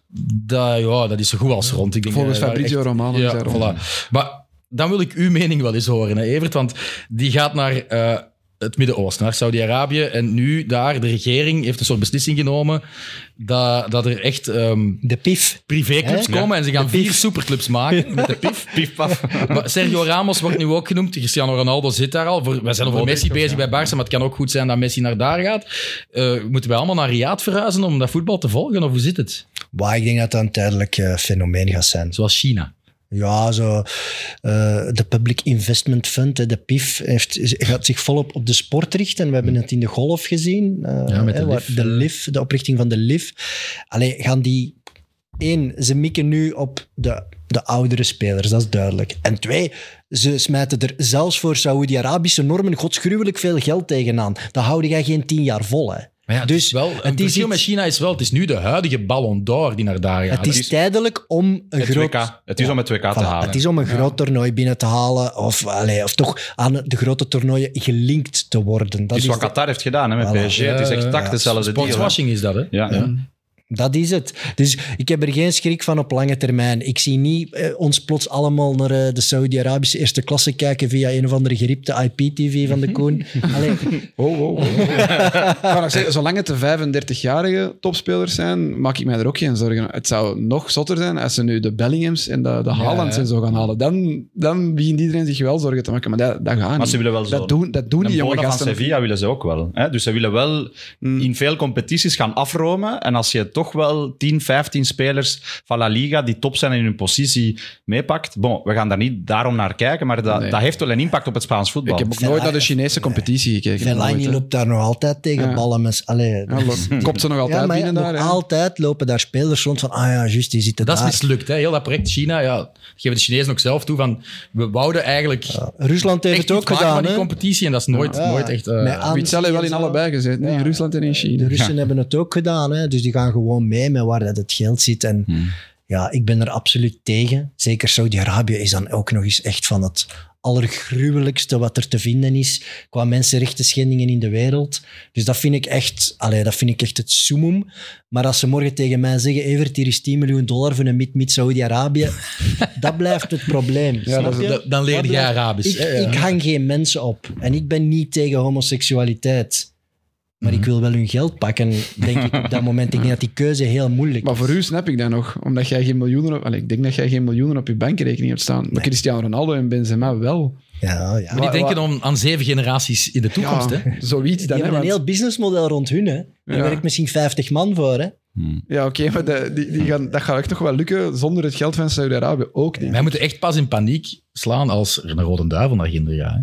Als Lukaku ineens, ja, Inter kan hem niet bijhouden en die gaat ineens... Maar dat Oké, gaat gebeuren? Alderweireld in Qatar als actieve rode Ja, duivel. Die waarom- speelde daar. hè. maar dat was ook al wel... Witzel in China, in Carrasco van in zijn China. carrière. Hè? Witzel is en Carrasco, dat was toch niet in de herfst van hun Nee. carrière. Die voetballen in China, die waren gewoon rode duivel. Ja. En er is ook ondertussen ja. niemand meer dat daar moeilijk over doet van waarom dat, dat zo is. Hè. Toby heeft het ook gezegd. Ja, ik kon daar nog goed cashen. en- Carrasco is teruggekomen en beter geworden eigenlijk. Ja. Dus, Ja, eh, allee, dus dat, het is wel heel duidelijk geworden. En je voelt ook, ik voel dat ook bij de jeugd bijvoorbeeld, dat speelt nog niet meer mee voor waar dat je gaat voetballen. En we hebben, ik heb het WK in Qatar, die discussie hebben we honderdduizend keer gevoerd. Ja, we worden overstroomd door, door fout geld en door regeringen met foute bedoelingen die aan sportswashing willen doen. En wij als fan, wij laten die stroom over ons komen. En ik ben er wel van overtuigd dat op een gegeven dag die golf ook weer voorbij zal zijn. En wat er dan overblijft, zullen we dan zien. Mhm. Ik denk dat we dan wel gaan verschieten. puinhoop. Maar nu, ja, ja. puinhoop, nee, dan gaan we terug eh, eh, zelf het voetbal moeten opbouwen en terug lokaler moeten denken. Maar nu laat ons dat, laten we dat allemaal over ons komen. En we zullen zien wat er dan achteraf Ja. achterblijft. Hè. Dat is natuurlijk ook ehm, iets politieks. En we zitten hier met ja, nu nog een eh, actief politicus. Eh, en ik wil zo overgaan... Minister in de toekomst. ik wil zo overgaan naar nog een, eh, ja, toch iets politiek. Al is het eigenlijk echt totaal niks politiek, maar in Spanje denken ze daar wel anders over. Want er is een PR-probleem in, eh, in La Liga. En in de eerste plaats denk ik dan aan ja, heel de situatie met Vinicius Junior. Dit seizoen en ook vorig seizoen. Ehm, schandaal na schandaal. Ehm, en hetgeen wat ik mij ja, toch het allerergste heb aangetrokken, is, is die ene wedstrijd in het Mestalla. Ehm, Hij is daar schandalig behandeld geweest door supporters, door pers. Er zijn tien gevallen van, van ja, racisme tegen hem geweest eh, in anderhalf jaar tijd. Maar in Spanje geven ze het dan echt niet toe, gewoon dat er een probleem is. Maar het is echt alomtegenwoordig. En als ik dan vaak de kranten lees of de social media erop naslaan, wat niet altijd een goed idee is, eerlijk gezegd. Maar dan doen ze het allemaal zoals, af als een niemendalletje. Hoe kijk jij daar als Spanjaard naartoe? Ja, maar wat daar opmerkelijk is vooral, als je de Valenciaanse pers zag, eh, in Spanje hebben we daar een term voor, dat is prensa bufandera. Hè? Dat is de pers met een sjaaltje op. En dat is in Spanje het summum, want elke stad heeft een regionale krant, een krant die alleen voor die ploeg opkomt en die alles, al het nieuws, alles wat er gebeurt op en naast het veld in functie van die club zet. En bij Valencia was iedereen in Spanje daar, daarover verbaasd dat dat kon gebeuren. Want het, het was wel van... van allez, het, het was zo schrijnend en zo duidelijk wat er gebeurd was. In andere plekken is, dat, is er racisme geweest op een, op een... Kleinere schaal. Ja, kleiner, maar ook vermomd. Hè? Ja, ja. Dat zo, ja, we hebben die uitgejouwd. En dinges, eh, Iñaki Williams heeft dat ook eh voor gehad. ja. Maar dan heb je andere, andere, andere fans van een andere ploeg die dan gaan klappen of, of een, een grote statement doen. Daar was het echt gewoon alle remmen los. En dan heb je wekenlang in de Spaanse pers een discussie gehad over is Vinicius te veel een uitdager? En dan werd Vinicius, en dat was eigenlijk het ergste van al, Vinicius naast Rodrigo gezet. En dan werd gezegd, ja, maar zeg, het gaat niet over racisme, want Vinicius wordt Camavinga en. Rodrigo hebben en ook Camavinga en. Rodrigo hebben een zwart huid en iedereen vindt die geweldig. En, daar zit, eh, en daar zit de kern van het probleem. En dat is dat voor veel mensen in de stadions en in Spaans voetbal. Alles mag, zolang het gaat om uw ploeg te verdedigen. Of voor uw ploeg, plo- eh, ploeg op te komen. Wat de Italianen ook Wat de zeggen. Italianen ook zeggen. En die zeggen, het is geen racisme, het is, eh, het is eh, tribaal gedrag, het is stamgedrag, het is de, de, de tegenstander uitjouwen. en zo. Banter tussen Ba- aanhalingstekens. Ja, maar zelfs... Nee, dat, dat zeggen ze niet, want ze menen het. Ze zeggen niet dat het banter is, want ze menen het doodserieus. Ze doen het met de bedoeling om te kwetsen, omdat ze weten, omdat ze weten dat dat een speler kwetst, een speler uit de match haalt, een speler neerhaalt. Maar dan kan je ook niet ontkennen dat je racistisch bent. Hè? Ik bedoel, Ja, ja, maar dat, dat is- gebeurt wel, hè? ze ontkennen het. Ja, ze, ont- ze ontkennen het net om die redenen. Omdat ze dan zeggen, ja, maar jij, jij, eh, jij zet een smet op het blazoen van mijn club. En dan zeggen ze inderdaad, hé, maar Diakabi, dus van Valencia Diakabi, die is ook zelf het slachtoffer geweest, dus wij kunnen onmogelijk racistisch zijn, want wij zijn toen ook voor hem opgekomen. Nee, je bent opgekomen omdat hij een speler van een club was. Niet omdat je begaan bent met het probleem van racisme. En dat is elke club. Betis heeft hetzelfde voor gehad, mijn eigen club. Als onze spelers worden uitgejaagd, uitgejouwd racistisch eh, opgeroepen, dan zeggen we, ja, ja, ja. Als er, als er een andere speler komt, dan zijn er veel fans die denken, alle remmen los, want hij is een speler van een andere club. Ja, nu mag ik ook mono roepen of Ja, ja, ja. oerwoudgeluiden Ja. bovenal. Maar ik vind dat zo raar, want oké, we gaan zeker niet doen alsof het in België wel eh, veel beter is en dat we heiliger dan de paus zijn. Of in andere Europese competities, zelfs in Engeland. Er zullen nog wel genoeg racistische supporters in het stadion zitten. Maar ik heb zo het gevoel dat dat bij Spanje en in, in Zuid-Europa, en dat is eigenlijk een beetje zelf, een beetje dis- discriminatie, dat dat meer in, ja, in de cultuur zit of ingedrongen is dat ze zich dan wel mogen permitteren, blijkbaar. Dat ze niet snappen wat ze daar doen bij Vinicius, dat dat totally not done is. Ja, maar dat vind je in Ja. onze tribunes of in de Nederlandse tribunes ook. Hoor. Ook gebeurt. Als je ziet... eh, wij zouden er veel harder op springen. Toch? Vind jij bijvoorbeeld Spanje racistischer dan België? denk, het, denk het niet. En Als komt land, het dan dat dat daar wel veel meer gebeurt, of in veel grotere schaal dan in België? In België gebeurt het ook heel Ik- af en toe in onze stadions. ik denk maar dat er in... Niet in die, op Nee. die schaal. Ik denk dat er in België gewoon meer een prioriteit is geweest van de liga om, om dat gewoon uit te, uit te, uit te ook. roeien. En van de clubs ook. En, en je hebt, als er iets gebeurt, hè, en er, is, eh, er was iets gebeurd met de Beerschop op Molenbeek met de Makakke, en dan was dat zo, ja, maar dat is banter en niet. Hè, hè. Dat zijn zaken die gebeuren, maar die worden zodanig de focus opgelegd, dat je er niet van kunt weglopen. En dat de club die, eh, waar dat gebeurd is, niet anders kan doen dan zeggen, en ze zijn de eerste die met een perscommuniqué komen om te zeggen, wij veroordelen dat ten strengste, we gaan de mensen zoeken, we gaan die Ja, bestraffen. ja, ja. En in Spanje is de redenering van veel clubs van, ah ja, nee, dat is een minpuntje voor mij, dus ik moet terug in de aanval gaan. En soms gaan ze wel zeggen, ja, het is niet aanvaardbaar, we gaan dat straffen. Maar heel de pers daar rond, bijvoorbeeld rond Vinicius, er was een grote schandaal, want hij had een rode kaart gekregen en die rode kaart is ingetrokken. Daar zijn fans van clubs, ik kan dat niet geloven, ook van mijn eigen club, die aan het protesteren waren. Maar hoe kan dat nu dat hij de rode kaart, en dat is gewoon politiek correcte bullshit, en Ja, dat is Florentino Perez heeft te veel macht. Florentino Perez heeft te veel macht enzovoort. En, en de fans van Real zouden dat ook doen, hè? Als Ja, een speler van Atleti of van... Of van eh, Die moet ook niet zichzelf ja. wassen in ons hè. want, want, eh, want in der tijd, Samuel Eto'o heeft ook heel veel te verduren gekregen van de fans van Real Madrid. Amai.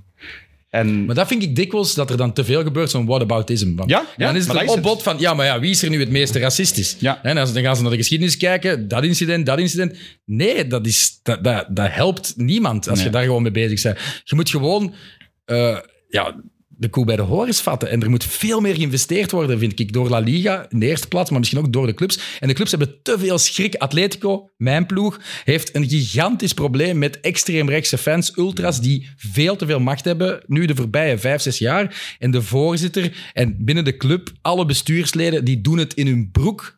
Die willen daar niet tegen optreden. maar die omdat ze zelfs schrik- binnengehaald, hè? ja, maar, ja, dat weet ik. Maar die hebben wel schrik nu, als ze daar tegen optreden, dat er iets met hun of hun familie gaat gebeuren. Dat is in Spanje ook wel het geval bij redelijk veel clubs. En dat is ook iets dat je niet in ons land meteen gaat... Die mannen van die pop van Vinicius en die brug, die Ja, zijn ja. wel veroordeeld ondertussen, Ja. of niet? Ja, ja oké. ja, maar dat is dan via de burgerlijke politie. Ja. Het is niet dat Atletico dan zelf eh, de moeite heeft gedaan om die eruit te pikken. Omdat ja, Cerezo gewoon weet van... een groot gedeelte van onze fanbase is zo extreem geworden dat die gewoon ja, bijna terroristen zijn. Hè? Dus Ja. Ja, maar dat, de, de persoon die Atletico in der tijd heeft gekocht, Jesus Gil, hè, een, een legendarisch figuur van het, van het, van het, eh, van het de voormalige burgemeester van... eh, voormalige burgemeester van Marbella, die met fondsen van de stad Marbella superdure reclame heeft gekocht op het shirtje van, van Atleti, waardoor Atleti terug naar de Heerlijk klasse komt. figuur. Echt heerlijk. Maar dat was wel een extreem rechtse, radicaal CEO. rechtse, hè, radicaal Ja. rechtse politicus, die heel bewust heeft gezegd tegen extreemrechtse groeperingen, jullie zijn welkom Ja. in mijn stadion. Jullie gaan alle linkse supporters wegduwen, want die, die stellen me te veel in vraag. En jullie zijn voor mij, jullie krijgen heel veel vrijheid van mij, maar moeten ook naar mij luisteren. En dat is wel iets dat in heel veel stadions in Spanje is gebeurd. Dat is gebeurd in, eh, in, bij Deportivo is dat gebeurd met de Riazor Blues. Dat, heeft, dat is bij Betis gebeurd met de supporters. Barcelona, de Boys of Noise. Barcelona Ja, ja, met de of ja. Noise. En een aantal voorzitters... Real eh, Madrid heeft toch ook... Real Madrid met de eh, Ultras Sur, Hun ja. ultras moeten verhuizen en vakken dicht doen. En En dus, maar ik, ik weet niet of het helpt om te zeggen het is een probleem van het Spaans of Italiaans voetbal, want dan doen we het watawatisme dat we ook de clubs in Spanje verwijten. Als we zeggen, in ons voetbal is dat veel minder het probleem, wat ik heel vaak hoor in podcast, eh, in de radio, hè, zo van, eh, er is iets gebeurd in Spanje en Italië. wij zijn wel beter, wij zijn wel beter. nee, voilà. ik, ik, ik, ik geloof dat echt voor geen haar. Er is misschien niet. iets meer controle, maar laat die los. Laat, laat die supporters los. eh, Het is en- verdoken en- en- vaak bij Ja, het is Ja, ja. vaak verdoken. En- Ja. Het, is, het, is een, het is voor La Liga, vanuit hun oogpunt, een enorm marketingprobleem. Hè. En daarom, dit seizoen is echt gewoon qua en public daarom relations dat, verschrikkelijk. hè. eh, hoe heet hem van de man van La Liga? Tebas. Tebas zo rare communicatie doet, om die, die zit echt in de stress daarmee, denk ik. Dat is ook een, een extreemrechtse Ja, dat is ook Ja. Die zit echt in de stress van shit. eh, we zitten hier in een concurrentiestrijd met allerlei andere entertainmentorganisaties en met andere voetbalcompetities. Dus ik wil eigenlijk dat dat onder de mat geschoven wordt. Zo rap mogelijk moet dat eventje van Vinicius weg, dat we weer verder kunnen met La Liga, de fantastische competitie. Daar denken die aan. we matchen in de Verenigde Staten kunnen organiseren. Ja, en die denken als we zelf het tapijt gaan opheffen en alles wat daaronder verscholen zit naar buiten laten komen om het aan te pakken, dan zijn we misschien voor jaren vertrokken en dan krijgt La Liga een slechte naam. Daar hebben die allemaal zoveel schrik van en dat is verkeerd. Het is een probleem van, van mensen. Hè. Het is niet, oh, die club is racistisch en jij bent racistisch en die, dat. Het is een, een probleem van ons allemaal. En dat is, ja... En je hebt we- ook geen blauwdruk meteen om dat op te lossen. Hè. Nee, en als we daar ook niet openlijk durven over gaan praten, in de Spaanse media is dat een enorm probleem, bij ons ook nog altijd, als we daar niet openlijk over kunnen praten op een normale manier, dan gaan we dat nooit kunnen oplossen. De, de- en wat een beetje raar is ook, is dat de grootste fans van La Liga buiten Spanje, die zitten in Zuid-Amerika, die zitten in, in de Arabische wereld. Dus je hebt zelf alle belang bij om tegen die mensen te zeggen, jullie zijn welkom. Ja, ja, ja, Hè, inderdaad. want dat, dat is de fanbase van La Liga. En dat, dat is misschien bij de Premier League is dat ook voor Maar een daar stuk, zijn die maar de lokale Premier League fans niet mee bezig. Hè? Nee, oké, maar de Braziliaanse president Maar de Braziliaanse, gereageerd. de. Braziliaanse president heeft gereageerd. Maar in Vinicius Brazilië- heeft ook gewoon gezegd, Ja? ik voetbal in een racistisch land. Ja. En heeft hij in Brazilië... Alle Brazilianen denken En ze nu gaan dat Spanje een- een racistisch land En ze gaan nu een Ja. vriendschappelijke match doen tussen Spanje en Brazilië om het imago een beetje op te Ja. poetsen. Maar ja, dan zie je weer al, eh, was het een Atletico-supporter die dan, oh, ik heb mijn elftal al samengesteld en dan zag je Ja. allemaal kopjes van spelers die de voorbije jaren wel eens zich bezondigd hebben aan een slechte uitspraak of racisme. Zo, Kala stond dan in de verdediging, de, de man van Cadiz, die dan Diakabi iets zou hebben Ja. toegeschreeuwd. Danny Carvajal stond op rechtsback, want ja, die heeft ook wel eens apengeluiden. eh dat is er ooit eens op betrapt en zo. Dus dan denk ik... Ah, dan, dan, dan zien ze het weer al niet hoe dat het Nee. is. Hè. Dat is een goed initiatief om die wedstrijd te organiseren voor een, een zaak waar iedereen achter zou moeten staan. Maar dan verzandt dat weer in, in ja, tribalisme, in, in van ja, we kunnen er eens mee lachen. Maar dat is echt, ik word daar zeer match? slecht gezind van. Waar wordt die match gespeeld? Weet je? Nee. Nee, in Spanje. In het Mestalla. In het Mestalla zou wel de max zijn. Als dat dan Zie, maar nu maak je ook een grap. En waarom weet dat beter als ons? Hè? Dat is ook een enorm politiek probleem en politiek gedreven natuurlijk. er, er zijn enorm veel politieke partijen die garen spinnen net bij wel eh, die groeperingen die heel hard tegen de woke zijn en het Ja, politiek correcte en die zeggen wij mogen hier niks niet meer en wij, wij zijn onze vrijheid aan het verliezen, een vrijheid van meningsuiting en een grote migratieproblematiek dat er ook bij zit. Eh, Sociaal-economische moeilijkheden zitten daar ook bij, zeker in veel steden. Dus dat is een enorm politiek probleem dat net door politieke partijen benut wordt. Dus er hebben ook heel veel mensen baat bij die commotie en bij, dat, eh, bij dat, de vuilbekkerij, zal ik het dan maar noemen. Want dat gaat niet alleen maar over racisme, maar ook ook over andere statements die er ver over gaan. Er zijn heel veel politieke partijen die garen spinnen bij, bij dat feit en bij die groeperingen. En dat is hun stempubliek. En zij, zij spinnen daar garen bij dat die mensen ontevreden zijn over, het, over Ja. hoe het gaat in hun land en op het voetbalveld en bij hun voetbalclub. En dat is echt wel een probleem. Echt We gaan, we gaan de afspraak op vrijdag afsluiten. Ik ben niet Ivan de Vader. We moeten misschien nog verder gaan over Het wel wat van weg, vind ik. Ja. niet politiek. Ik wil de politiek gewoon even dicht doen. Je bent de verder. Nu dat je dat zegt, jongen. Van de vader, Ivan de. Vader van, de, van het voetbal. Shit, Ja. jongen. Is die van Zoersel? jongen? Ja, maar ja. Die is van bij Brussel. Zeg je een Oost-Vlaanderen? Anderlecht van. Ah, ja. Anderlecht van, denk ik. Maar, Maar goed, ehm, Die was met de kroop, Anderlicht. Ja, ja, ja. ik wil wel verder gaan nog over het perceptieprobleem. Want dat is niet alleen dat racisme, dat is ook de scheidsrechters. Ja. Die zijn verschrikkelijk. Ja, je hebt het zelf aangebracht, hè. Vinicius dat nog groot kreeg, terwijl hij eigenlijk gewurgd werd door Doeren. Dat is één van de vele cases. Ook die slotspeeldag. Ehm, er is een doelpunt gevallen van Espanyol op het moment dat er twee ballen op het plein liggen. Eh, ja, jij vond het een schwalbe van Ramazani. Nee, Eh, ik maar snap goed, wel dat je daar penalty voor maar- Atletico had ook op die slotspeeldag een penalty verdiend tegen Villarreal wegens eh, handspel van, eh van Aissa Mandi. En er zijn gigantisch veel voorbeelden geweest. Twee voorbeelden die heel veel aandacht hebben gekregen was met Don Antonio Mateo Laos. En die stopt nu en ik ga hem missen. Heeft geen enkel kaart gegeven. Nee, in zijn Ja. slotmatch heeft hij geen enkele Dat is wel heel vreemd. vond dat, wel, dat beeld was zo mooi. Dus zo'n mooi Mallorca-stadion gevuld, hè, maar echt tot de nok gevuld. En die krijgt op het einde een eerbetoon met zijn familie. En heel dat stadion, hè, gewoon een applaus, recht Maar- staan. Dat was, eh, hij heeft eh, Union Bayer Leverkusen in het, eh, in het Astridpark ook gefluit. En dat was hilarisch, want er waren heel veel fans die een, een, een handtekening van Matteo Laus hadden. En die een foto gingen pakken. Ik zou dat ook gedaan was in de tribune. Ja, ja, zeker. Ik kon, er, ik kon er zelf niet aan, want ik zat in de tribune boven met de supporters. Maar de mensen die zo de ticketjes, de dure ticketjes hadden gekocht naast het veld, gingen Ja, allemaal hij op de hij selfie is wel de, de, de celebrity van, van, van de scheidsrechters. En eigenlijk, Het is de, Ja. de Colina zonder het talent. Ja, ja, maar ik, ik denk dat Omwille we... van een slechte reden is. Ja, maar nee, de- maar dat is omdat de je te veel met die twee matchen bezig Ja. zijn. Want hij heeft ook wel goede wedstrijden. Hij heeft ook Uiteraard. één Champions League finale. Zijn laatste match was blijkbaar uitmuntend. Ja, maar dus, maar er zijn, er zijn er, maar dat is het probleem. We lachen daar nu mee, hè. Ja, maar maar, ja. dat is het probleem. Eigenlijk zijn hij nog niet de slechtste. Nee, Ja, absoluut niet. Maar hij heeft een paar ja, excessen. Hè. Zijn, zijn slechte matches zijn ineens verschrikkelijk Maar slecht. Met de, met de scheidsrechter is er in, in Spanje een groot probleem. Hè? Dus ze worden niet door een apart eh, instantie aangeduid. Ze Door de worden, door, voetbalbond, la- ja. hè, ze worden door La Liga zelf aangeduid. Nee, door de voetbalbond, denk ik. Ja, nu wil de voetbalbond dat overnemen. Maar de voetbalbond heeft gezegd, hè, want de clubs willen, zoals in de Premier League, zoals in de Bundesliga, je hebt een apart, eh, een Mhm. apart, eh, een apart orgaan die de scheidsrechtersbenoemingen doet en, en die ook beoordeelt of ze mogen stijgen of zakken. En nu heeft de, de voetbalbond gezegd, oké, we luisteren ernaar, we gaan dat afpakken van La Liga, dus zal niet meer onder Tebas, eh, maar onder Rubiales eh, vallen. En daar is ook al heel het seizoen lang een machtsstrijd tussen die twee over het Spaans voetbal.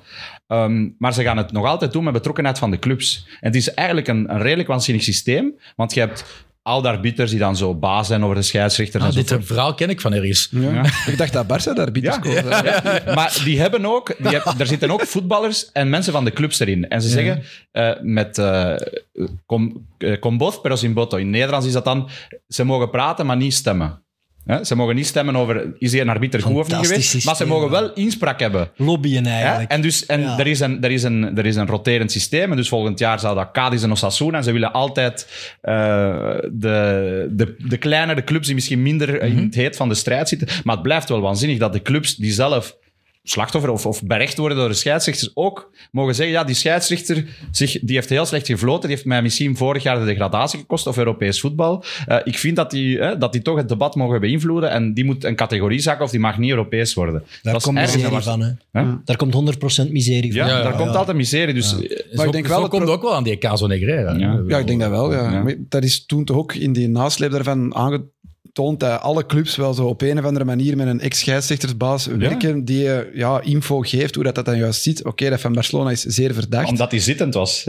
omdat hij nog zittend was. Ehm, maar ja, die mocht dan ook niet kiezen wie dat de scheidsrechters waren, bijvoorbeeld. Die kon niet de Ja, scheidsrechters als aanstellen. vicevoorzitter van de Ja, scheidsrechters. maar die kon dat niet kiezen. Ja, die heeft Maar die een gaf wel, zekere macht nee, misschien. maar die gaf wel de beoordelingen. En dat, daar zat het probleem van het Caso Negreira.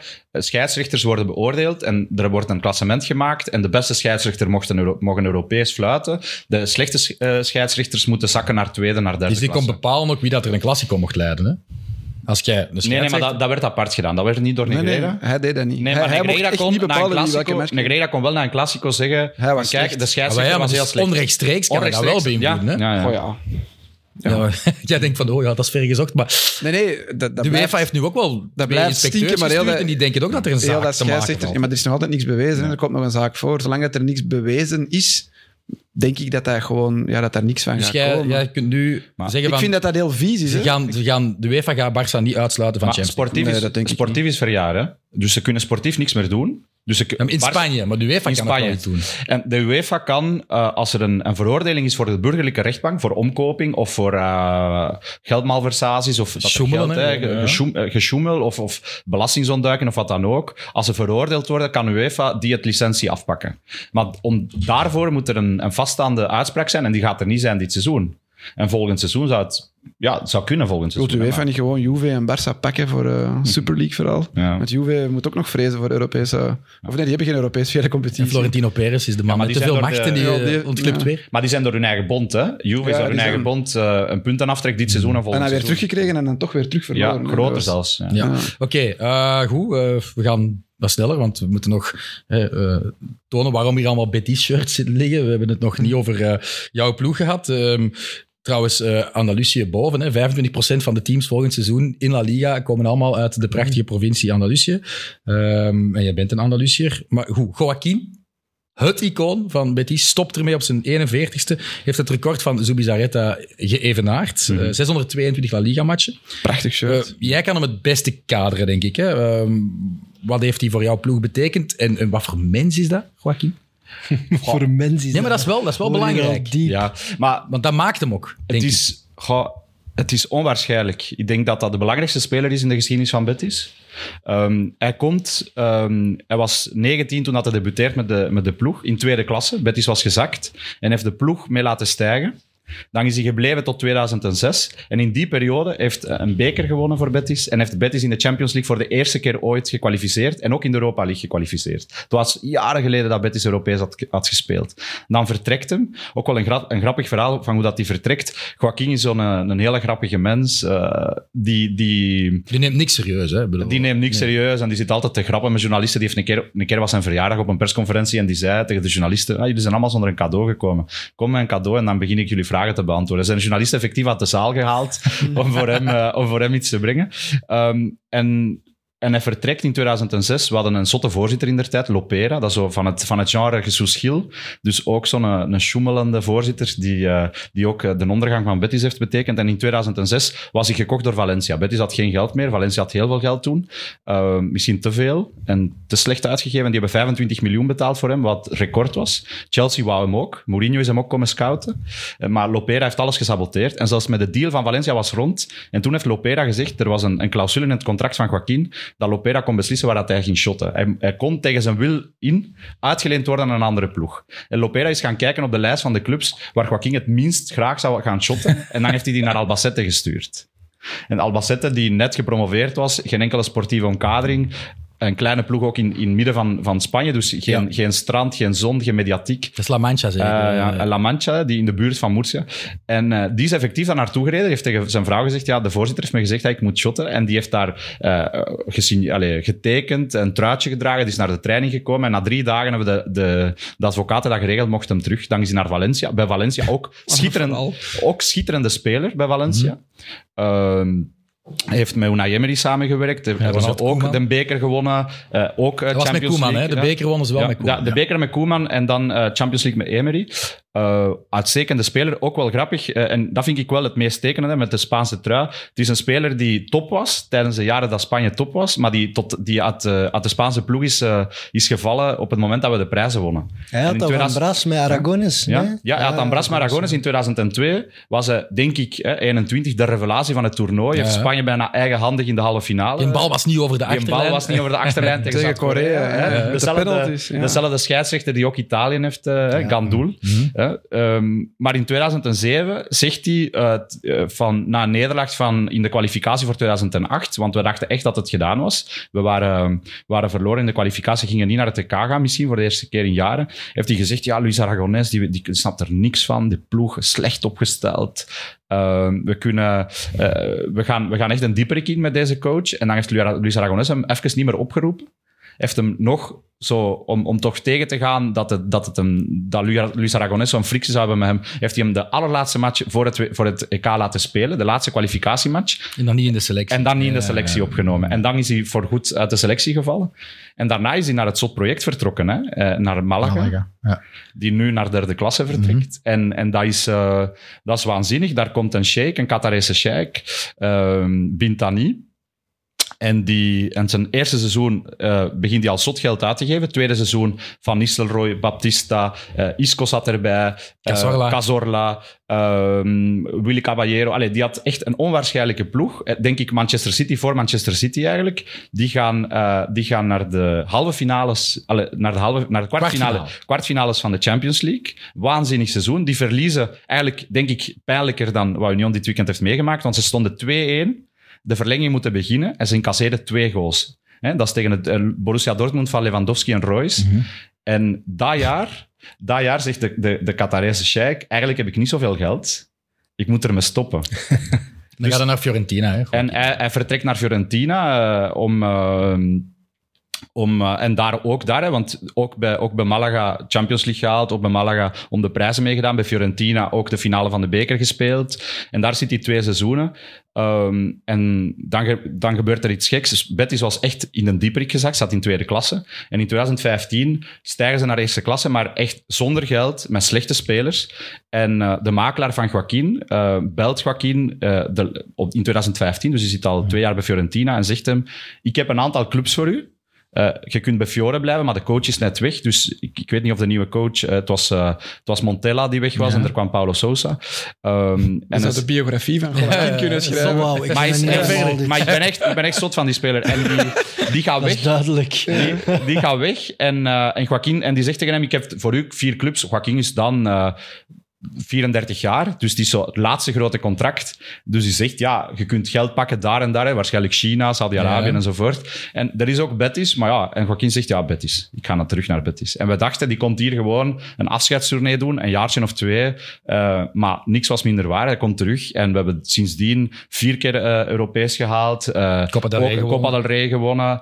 Eh, en eigenlijk, eh, vorig jaar was er al geruchten dat hij zou stoppen. Hij heeft toch nog beslist om een jaar bij te doen. En dit jaar, toen dat de geruchten opnieuw begonnen, waren mensen, en dat is waanzinnig om te horen van een, van een speler van 41 jaar, die zeiden, eigenlijk zou ik hem sportief nog willen. Dus mensen die niet voor het romantiek, maar zeiden van, dat is een nog speler die nog mee kan, die nog beslissend ja, is geweest. En vandaag op social media of ook weer in bloot bovenlijf. En ik heb Marcos Llorente gezien, eh zijn sixpack. Dat is exact hetzelfde. Hè? Ja. 41 jaar en Llorente is al wat 23 zijn. Wacht maar, jongens, tot ik met een t-shirt... Nee, maar ja, die gast is het, het voorbeeld van professionaliteit. En Kan je nog mee? Kan- Zou je nog Maar die was nog heel goed. Die heeft in de Europa League nog gescoord. Ik denk, eh, ik denk echt, stel dat Betis vierde eindigt, Ja, zou dan Joaquin dan gebleven zijn. Sowieso, denk ik wel, ja. Voor ik Champions League nog Voor één match. Voor nog een laatste Eén, keer. één match en dan stoppen. Ja. Ja. Maar eh, Betis 14 keer Europees gespeeld. eh, gekwalificeerd in zijn geschiedenis, dus niet zo vaak. Betis is geen grote topclub in Spanje. Allee, ik zeg het met pijn in het hart, maar we zitten niet... Maar wel een de- grote club. maar wel een grote club Ja. qua volk, hè? maar niet in prijzen. Hè? We hebben drie keer de beker gewonnen, één keer de competitie in 1935 en sindsdien niks meer. hè. Mhm. Ehm, en toch heeft hij de club groot gemaakt. eh, heeft veel sympathie voor de club ook eh, doen opbrengen in Spanje. Ehm, het is, als je, Ja, hij is wel overal geliefd. Hè. Overal geliefd Vandaag is, is een testimonial. Ja. Ja. wie komt er? Casillas, eh, Sergio Ramos, Roberto Carlos. Dus, dus Van Nistelrooy. Ja, die dus komen het- allemaal gewoon naar Sevilla, naar het Benito Villamarin, om hem uit te wuiven. Helemaal uitverkocht, 60.000 man. Jesus Dat Navas is er ook wel, Ja. dat is wel chic. Onwaarschijnlijk, ja. Het is... En hij is ook aandeelhouder van de club, want hij heeft een deal gemaakt toen dat hij mocht terugkomen. Hij ging niet zoveel verdienen, maar hij zegt, ik wil wel aandelen kopen van de club. En hij heeft dat zelf wel, 1,2 Ja, het is tien- miljoen. Het is eh, maar 10% of zo. ja, maar hij is wel de derde of vierde grootste aandeelhouder van de club. Er zijn twee, twee businesspartners die de club eh, Dat is beheren op dit mag moment. eigenlijk, dat Ja. je speler kunt Ja, zijn, speler-aandeelhouder. ja. betaald worden door de club waar je ook aandelen in hebt. Ja. En is, dan, is er dan een plan dat hij ook voorzitter en zo zou willen worden? Ik denk dat hij dat nog niet zo graag heeft. Ja. Hij, hij, is zo, hij is een tv-celebrity. Hij is zo echt de Spaanse Tom Waas. ge- Ja, ja, echt. Ja. Die heeft een Die interviewprogramma. kan in elke talkshow ervoor Ja, zorgen dat... die, maar die heeft zijn eigen talkshow wordt, gekregen die, vorig jaar. En iedereen dacht dat hij ging stoppen toen dat hij zijn talkshow kreeg. Eh, 2 miljoen kijkers eh, per week. Die doet dat zo tussen de week door. Hè. Dus opname, opname, eh, er wordt getraind, denk ik dat ze altijd twee dagen vrij krijgen. Maandag en dinsdag. En dan mag ma- maandag of dinsdag mocht hij dan het programma opnemen. Met waanzinnige kijkcijfers. Dus het is echt een, een mythe van het... En ook... totaal niet te verwachten. Want toen dat hij kwam, je denkt, ja, dat is zo... Een drib- Allee, je associeert zo'n profiel misschien eerder met een middenvelder, met een keeper. Hè, zo, een harde werker die lang gaat spelen, een dienaar. ja. Hè, Ja. hè, maar hij, is, hij was hij is- technisch ook echt super hij is een vleugelspits Ja. die, die, eh, die een vlierenfluiter is en die heel de tijd eh, op- ga- gaat feesten. Er is zo die mythische foto eh, waar dat in zijn blote staat met een beker eh, van, eh, van, Valencia. ja. Eh, hij is getrouwd en hij, hij mocht de beker van, van, van Betis in 2005 gewoon meepakken. is iemand die heel de tijd grappen zit te vertellen, maar op een top professioneel. Dat associeert je niet met zo'n speler. Nee, dat is onwaarschijnlijk. Hij gaat gemist worden. Ehm, je hebt over de Europese eh, verwezenlijking van Betis eh, gepraat, maar ja, ik moet het zeggen, hè. Sevilla heeft op dat vlak net iets beter gedaan, de stadsgenoot. Die zitten nu ook in de Champions League en, eh, en Betis dus niet. Hoeveel pijn deed het om hem, ja, Sevilla dat voor een zevende keer te zien flikken? Ja, het is, het is ook gewoon altijd de manier waarop je, je geeft die echt... Allez, we gaan die echt geen euro om te overleven. Ja, die stonden op een degradatieplaats tot ergens eh, midden maart. Ja, stonden op een degradatieplaats, hadden een, een relatief moeilijke weg naar de finale. Hè. Manchester United, Juventus, eh, dan- Fenerbahce, ja. Fenerbahce, zoals Roma ook. En die hebben het gewoon keer op keer geflikt op Manchester United met twee frommelgoals en own goal. Eh, het is ja, het geluk van de kampioen en ze hebben het al zeven keer op rij geflikt. Ehm, Nu was het wel anders, hè, met die coachwissel in het midden van het Ja, en Mendilibar- dan is het En Mendilibar, en het is wel vreemd, want ik heb geen enkel andere coach van Sevilla iets gegund. Hè, In dat tribale, ik, ik, ben, ik ga niet tot op, over de grens, maar Ja. net tot de grens. In dat tribale, zelfs de coaches, want we hebben een coach, Juan de Ramos, een van hun beste coaches, hij heeft, is ook coach geweest van Betis. Maar Mendilibar is zo iemand die je alles gunt. Hè, dat is alsof Bob Peters morgen een, club, een Belgische club overneemt en dan plots Europa League wint, daarmee. Bob Peters, Ja. die is eh, bij Helmond Sport de stil aan het leren. Oké. Ja. Dus de volgende stap is eh, terug naar de Pro League. Maar ik ging zeggen, de volgende stap is Sevilla. Ja. nee, maar het is zo'n type coach die... Allee, waar zat hij? Die zat bij Eibar, bij Valladolid, Ja, bij Alaves. laagvliegers, hè, Gewoon eh, ja. lift, hè, een liftcoach. Die bracht hij naar eerste klas en dan, oei, net niet. Ja, Ehm, bij Eibar was bij hij Eibar gekomen beste, nadat ze ja. ge- Ja. gestegen waren. Ja. En heeft hij ze er altijd ingehouden, die jaren Ja. aan een stuk. Dus eh, het is een zeer ouderwetse coach, ook qua, Ja. qua visie. Ik heb Dus wel, die, die houdt van voorzetten. Dat is gewoon een voorzetter. 4-4-2. Ja. Ja. terwijl zeggen, die finale. Nee, maar dat lag helemaal uitgekeken. voor het grootste deel Het meer aan voorbij Roma. middernacht. Hè. Het was dat, voorbij dat middernacht. het zo slecht was, lag meer aan Roma dan aan Sevilla. Van, van beide, vond ik wel. De ploeg die het meest wou voetballen was wel Sevilla, maar er waren momenten dat Buiten Roma, 20 minuten. ja, dat Roma beter was. Maar het is, Maar die verlengingen en... het is toch een knettergekke prestatie. Ja, ja, uiteraard. Die Ja. weer, Ja, dat die dat weer winnen. Maar In januari staan een die jaar, 17, allee, ja. echt, echt. Maar United, Juve Roma, die ja, schakel die uit. Wie van die spelers zou ik zou ik- veel spelers die nergens anders gewild Nee. waren. Lamela, op Onwaarschijnlijk. Die ploeg die, heeft een die soort Diego DNA. Montiel, die, die kan nu sterven. En Nee. iedereen gaat zeggen van, dat is... Die heeft, Maar- die heeft het al bereikt. Maar ook hoeveel geluk... Nee, Ja. dit is, dit is Een niet invaller, zeker van hè. een Dat is basis. een invaller, ja. Maar Zowel bij Argentinië als bij Sevilla. Maar ook wel grappig, want die missen een penalty. En dan mag hem er nemen. Ja. Omdat de Zelfs keeper... dat, zelfs dat, ja. Dus zelfs dat... Maar dat was ook wel een correct. Want Ja, correct. Patricio was te snel weg van Ja, maar zelfs daar hebben ze mee. En ook in de finale. ehm, ik heb er nog. Nee, maar ook zelfs dan in de finale. Ze winnen de, de, de worp om als eerste eerste mogen te doen, trappen. ja. Dus dan heb je altijd een grotere kans. Ze mogen trappen voor hun eigen fans. Dus zelfs daar, heel die randvoorwaarden zitten altijd goed mee. En, maar ja, super verdiend. Ja, je kunt daar niks op afdingen. En het ding is, het doet minder pijn nu. Want toen dat ze de eerste en de tweede wonnen, dan hadden ze dat nog over ons. Hè? We hadden altijd dezelfde, hetzelfde palmares gehad als clubs. En het enige dat we hadden, waren de derbies om elkaar af te troeven. En sindsdien ze- hebben ze er nog zeven bij gedaan. Het is wel extreem. Maar dan, Het is- dan is het, nu doet het bijna minder pijn, omdat je denkt, je gaat die nooit bijbenen. Dus ze gaan altijd die zeven bekers over ons hebben. Dus of er zes of zeven of acht zijn. Elke gaat er nog extra pijn doen, maar... Het is ook een beetje een, een vaste topclub geworden. Hè? Die, Voor het seizoen zit iedereen die waarschijnlijk vierde in de top vier. Die gaan altijd Champions League halen. Oké, ze hebben het nu niet gehaald via de competitie, maar dan winnen ze de Europa League. Gaan ze toch weer naar de Champions Ja. League? Ja, Maar hun, eh, ze, ze hebben alles te danken aan Monchi, hè, hun sportief Ja, directeur. die zou misschien ook vertrekken. Hè? Maar zijn verhaal zit op dit seizoen. Hè. Die Ja. heeft heel slechte keuzes gemaakt dit seizoen. Ja, dit die seizoen heeft, is eh, niet goed. maar wel in de winter weer goede keuzes gemaakt. Ja. Maar het is ook de vraag, en daar zeggen ze dat hij daar over deze winter minder te zeggen had. Want hij wou met die Liebar niet. Ja, ja. Hij had al een akkoord met een andere coach. En de ploeg heeft hem wel wat gedwongen van, kijk, eh, je moet wel eh, zo'n coach pakken, want we moeten erin blijven. En het is gigantisch goed uitgedraaid en hij wil weg. Eh, dus ik vraag me af wel wat er, wat er gaat gebeuren. En het is wel grappig, in, in Spaanse eerste klasse gaat altijd de top 2. Dan kwam Atletico bij, een top 3. Maar nu, de laatste jaren, begint je ook een top 6 te krijgen. Ja, als je kijkt wie Europees meedoet de laatste jaren, zijn altijd, bijna altijd dezelfde clubs. Real Sociedad, Villarreal, Betis, Sevilla, Atletico. Madrid en Barça. Ja. Enkel Athletic Club valt altijd uit een boot. Ja, en Atletico Club doet er een keer mee. En je hebt Osasuna dit jaar en Granada. En dus, Oké. Ja, het is, het is, eh, ze hebben elkaar toch nodig? ja. Allee, de twee die ze- Ja, Ja, ja, ja, ja. Allee, dat Ze maken het- elkaar groter. Ja. Dat maakt het geniaal. Ik vind dat onwaarschijnlijk. Je vindt Dat daar geen truitje van Real of Barça op een pleintje terug. Nee. Voilà, en daar ben ik al super blij mee. Ja. In Sevilla, dat je dat hebt als stad.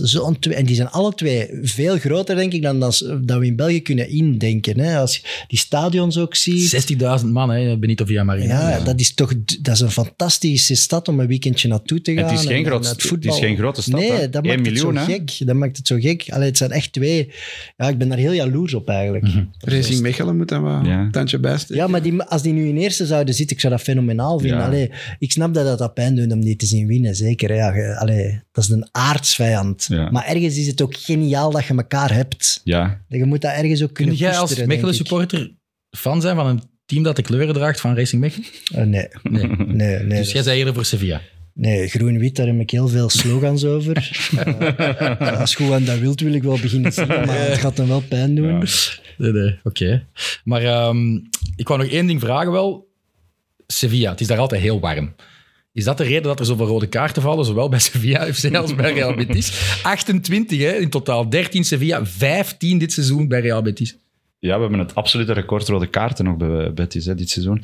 Goh, ehm, ja, ik denk... eh, Wij zijn het Spaans voetbal de laatste jaren, de, me- de grootste invloed is Argentijns voetbal. Hè. Als je kijkt naar coaches, naar speelstijl, naar, eh, naar, ook naar de fans. Hè. Die Er zijn, worden ook wel heel veel kaarten Ja. getrokken in Spanje. ja, hè. maar ook, ook de refs. bij, hè. Dus in het. Argentijns voetbal is de ref is een figuur van het voetbal. Ja.